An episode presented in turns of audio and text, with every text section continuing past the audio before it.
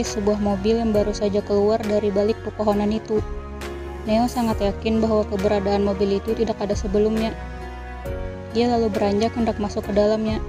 Namun belum sampai dirinya menyentuh badan mobil tersebut, tubuh Neo langsung terpental hingga beberapa meter ke belakang.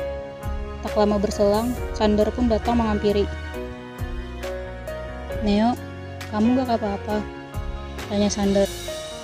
Aku apa-apa, kalau saja aku masih manusia, aku pasti dipenuhi banyak luka sekarang. Sahut Neo agak sedikit ketus. Tapi kau terlihat baik-baik saja untuk ukuran makhluk yang ada apa-apa. Kata Sander lagi setelah sesaat memperhatikan kondisi Neo. Sepertinya aku mulai mengerti kenapa para sosok seperti aku itu lebih memilih untuk mengabaikanmu. Kata Neo dengan menghilang tiba-tiba. Neo, Neo, pergi ke mana? Neo, untuk pertama kalinya Sander tak dapat mengetahui ke mana sosok Neo menghilang. Biasanya, ia akan bisa melihat ke mana arwah itu pergi menghilang melalui dengan adanya portal yang muncul dan sempat ia lihat dalam waktu 10 detik. Tapi, kali ini tak ada portal sama sekali. Neo benar-benar hilang begitu saja. Sementara itu, Neo yang tak bisa masuk ke dalam mobil itu pun memilih untuk mengikuti ke mana mobil itu pergi. Ia masih bingung kenapa ia sampai tak bisa menembus mobil tersebut setelah menempuh perjalanan udara yang cukup menguras energi mistiknya, akhirnya mobil itu masuk ke dalam sebuah rumah besar dan memarkirkannya ke dalam bagasi yang ada di bawah rumah. Tak lama berselang, beberapa orang turun dengan membawa masing-masing kotak berukuran sedang. Mereka menuju pintu yang tak jauh dari bagasi. Neo berharap ia dapat masuk ke dalam rumah itu, namun lagi-lagi ia tidak bisa melakukannya. Seolah-olah ada sesuatu yang menghalanginya untuk tidak bisa masuk ke dalam. Setiap kali ia memaksakan diri untuk masuk, setiap kali itu juga dadanya serasa seperti ditampar. Karena tak kuat lagi menahan, Neo pun kembali lagi ke tempat di mana ia meninggalkan Sander tadi. Tapi, sesampainya di lokasi semula, Neo tak melihat lagi dengan keberadaannya Sander. Salahnya sendiri memang meninggalkan Sander begitu saja, dan tidak memintanya untuk jangan beranjak ke mana-mana. Daripada itu, ia merasa sedikit tak asing dengan tempatnya saat ini. Ia seperti pernah mengenali lokasi ini sebelumnya. Kemudian, dengan mengandalkan rasa tak asingnya itu, Neo merasa kalau di sekitar situ ada lubang yang menuju ke suatu tempat. Satu jam Neo berkeliaran di sekitar situ, tak kunjung ia temukan pintu dari lubang dalam ingatan tak asingnya itu. Sampai akhirnya, ia pun memilih mengistirahatkan tubuhnya di bawah sebuah pohon besar dengan akar yang menyembul keluar. Baru saja hendak duduk, ia langsung terperosok jatuh masuk ke dalam sebuah lubang. Ketika ia tengok ke atas, terlihatlah langit malam yang dipenuhi oleh taburan bintang. Padahal, sesaat yang lalu keadaan di sekitarnya masih siang dengan sinar matahari yang cerah.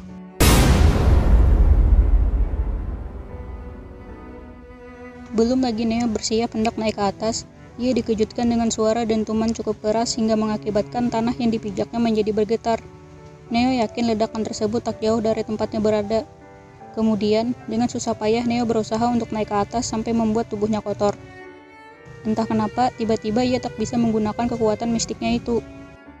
Begitu Neo berhasil naik ke atas, sebuah keanehan nyata terjadi di depan matanya. Bangunan tua yang tadinya berdiri tersisa empat lantai saja, kini terlihat seakan kembali utuh dengan dua belas lantai. Dengan perlahan, Neo pun beranjak ke dalamnya untuk mencari tahu apa maksud dari itu semua. Suasana gedung yang tanpa pencahayaan sama sekali tak membuat Neo merasa takut sedikit pun. Hmm. Terdengar seperti teriakan seseorang dengan mulut yang dibekap. Neo lantas mencari arah dari mana suara itu berasal. Ia lantas berkeliling bangunan agar bisa menemukan asal suara. Dimulai dari lantai dasar, sampai kini ia sudah berada pada lantai 4, dan tak kunjung juga ia temukan asalnya. Hmm, kali ini suaranya terdengar lantang, Neo yakin arahnya pasti dari arah lantai 5. Begitu Neo sampai di lantai 5, ia melihat seorang gadis berpakaian seragam SMA dengan dicambuk oleh seorang anak laki-laki yang kira-kira seumuran dengannya. Tubuhnya dipenuhi luka dan lebam di mana-mana. Neo hendak menolong namun wujudnya tak dapat menyentuh apa-apa selain menyaksikan bagaimana gadis itu berakhir dengan sangat menyedihkan.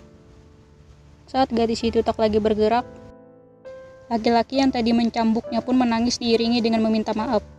Ia terdengar sesungguhkan, tapi tak lama kemudian justru tertawa dengan terbahak-bahak. Orang gila ternyata, ucap Neo dengan menggelengkan kepalanya. Neo lalu berjalan kembali menyisiri bangunan gedung itu. Karena bangunan gedung itu terlihat kembali utuh, Neo jadi penasaran dengan apa yang ada di atasnya lagi. Neo lalu berjalan ke arah tangga naik. Baru saja kakinya menapak, ia langsung dibuat berhenti saat melihat sesuatu yang ada di bawah tangga. Itu adalah dirinya dalam keadaan masih hidup dan tubuh yang terikat kuat. Mulutnya diikat sampai rahangnya tak dapat dikatup lagi. Di sekitarnya ada delapan orang yang mengelilinginya, dengan tiga orang di antaranya sangat Neo kenal. Dirinya yang ia lihat itu kemudian dilecehkan sampai Neo tak sanggup melihatnya, dan memilih untuk menutup matanya. Ia diperlakukan seperti itu secara bergantian hingga akhirnya ia tewas. Setelah itu, salah satu dari mereka dengan santainya membelah perutnya dan mengambil organ di dalamnya, selayaknya menarik bagian isi perut binatang ternak. Satu mata Neo dicongkel dan kaki serta tangannya dipotong. Tak lama berselang, dua ekor babi datang menghampiri mereka. Satu orang di antara mereka melemparkan kaki dan tangan Neo pada babi itu, hingga babi-babi itu pun makan dengan lahapnya. Sementara mata Neo dimasukkan ke dalam toples bergabung dengan mata-mata lainnya. Organnya dibuat dalam wadah dan langsung dibawa oleh orang-orang yang rupanya sudah berjaga sedari tadi di sekitar mereka. Kemudian, Tubuh Neo dimasukkan ke dalam plastik hitam beserta sisa tulang yang habis dimakan dua babi tadi, dan selanjutnya dimasukkan ke dalam koper begitu saja. Satu orang lainnya lantas menggerek koper itu membawa ke tangga turun. Neo pun mengikutinya dengan perasaan sesak. Sampai akhirnya, orang itu berhenti tepat di depan sebuah toserba tempat Neo bekerja dulu. Lantas melemparkan begitu saja kopernya ke atas tumpukan sampah. Neo melihat semua itu, kini hanya bisa diam mematung menyaksikan serangkaian kejadian yang ia alami semasa saat-saat terakhir menuju kematiannya waktu itu. Melihat keadaan tubuhnya yang diperlakukan seperti itu, hati orang tua mana yang tidak terluka saat melihat keadaan anaknya mati dalam keadaan tidak wajar. Neo, terdengar suara Sander di belakangnya.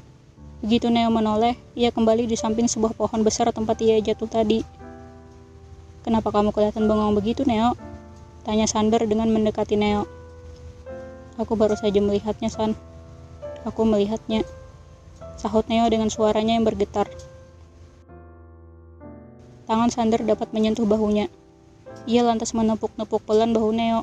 Ia tidak bicara apa-apa. Sementara Neo mulai dihinggapi oleh perasaan sesak yang menyakitkan. Rasanya sebentar lagi ia akan menangis. Ia pun terbayangkan dengan bagaimana reaksi ibunya kala itu mendapati penampakan dirinya dalam keadaan yang sudah tak utuh di sana. Sander pun memeluknya. Benar-benar dapat memeluknya. Dan Neo pun menangis dalam pelukannya.